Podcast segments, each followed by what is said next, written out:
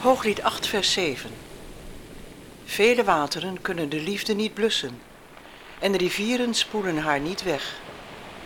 U luistert naar Verbonden voor het Leven Radio. Een eenvoudige bijbelstudie over het huwelijk, zoals God het bedoeld heeft. Samenstelling en presentatie Willem en Helen Lingeman.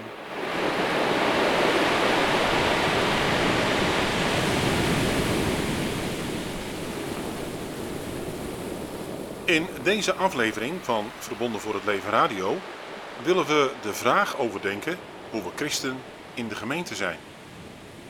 In een vorige uitzending hebben we stilgestaan bij valse leraren. Het is van groot belang dat je veel tijd neemt om zorgvuldig de Bijbel te bestuderen. Om valse leraren te kunnen herkennen, maar ook om te ontdekken hoe we als christenen in de gemeente functioneren. Er zijn meer redenen waarom het kennen van Gods woord belangrijk is. Zo wil je natuurlijk de liefdesbrief van je hemelse vader tot je nemen en horen wat hij tegen een ieder van ons persoonlijk te zeggen heeft. Er staat ook in hoe wij ons als christen hebben te gedragen in de tijd die we op deze aarde zijn. De Bijbel geeft ons richtlijnen hoe we met elkaar moeten omgaan. Als voorbeeld noemen we Handelingen 2, vers 42. Zij nu bleven volharden in de leer van de apostelen en in de gemeenschap, in de breking van het brood en in de gebeden. De eerste gelovigen bleven dus vasthouden aan De leer van de apostelen, het samenkomen, het breken van het brood, dat is het vieren van het avondmaal, en de gebeden. De vraag is nu, wat is daar in onze tijd nog van over? De leer van de apostelen heeft plaatsgemaakt voor officiële kerkelijke documenten. Het samen zijn en het woord van God bestuderen heeft in veel kerken plaatsgemaakt voor een soort van sociale cafés. Avondmaal vieren komt in veel kerken zelden voor of is verworden tot een verzoeningsmaaltijd, als er iets te vieren valt, na bijvoorbeeld interne oneenigheid.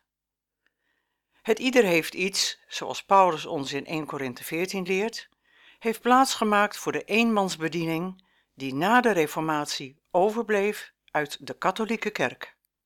Christenen moeten niet blijven hangen in de Reformatie, maar terugkeren naar de Bijbelse principes. Terug naar handelingen. Denk nu niet dat we zomaar iets zeggen. Nee, er zijn veel voorbeelden. Gods woord heeft plaatsgemaakt voor menselijke gevoelens en meningen en geschriften. We moeten weer aan de slag, het woord weer open doen, net zoals de gelovigen in Berea. We lezen hierover in Handelingen 17, vers 11. En deze waren edeler van gezindheid dan die in Thessalonica, want ze ontvingen het woord met grote bereidwilligheid en onderzochten dagelijks de schriften om te zien of die dingen ook zo waren. We leven in een tijd waarin we het ons niet meer kunnen permitteren om lui achterover te hangen. We leven in een tijd waarin informatie van over de hele wereld ons bereikt.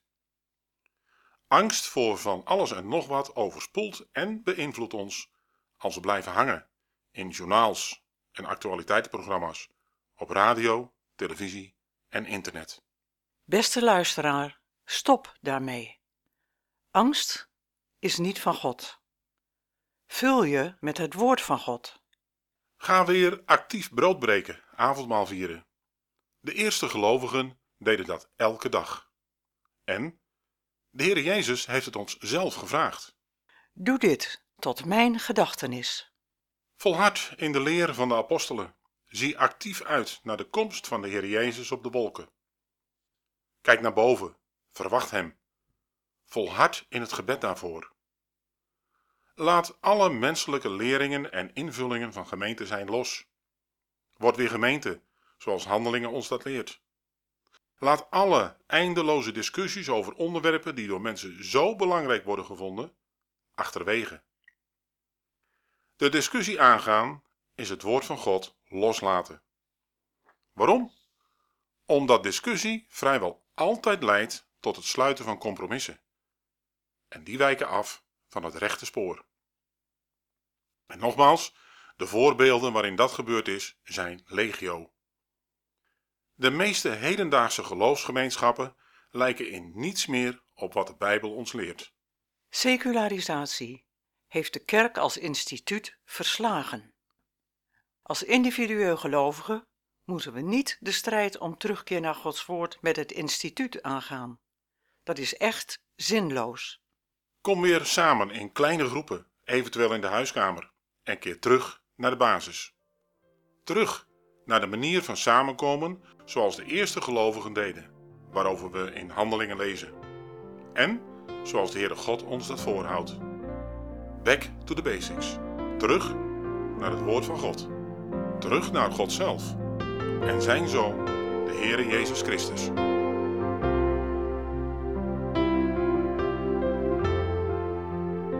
Spreuken 3 vers 3 Dat liefde en trouw u niet verlaten.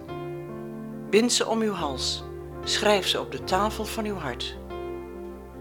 U heeft geluisterd naar Verbonden voor het Leven Radio. Samenstelling en presentatie Willem en Helen Lingeman. Heeft u vragen naar aanleiding van deze uitzending?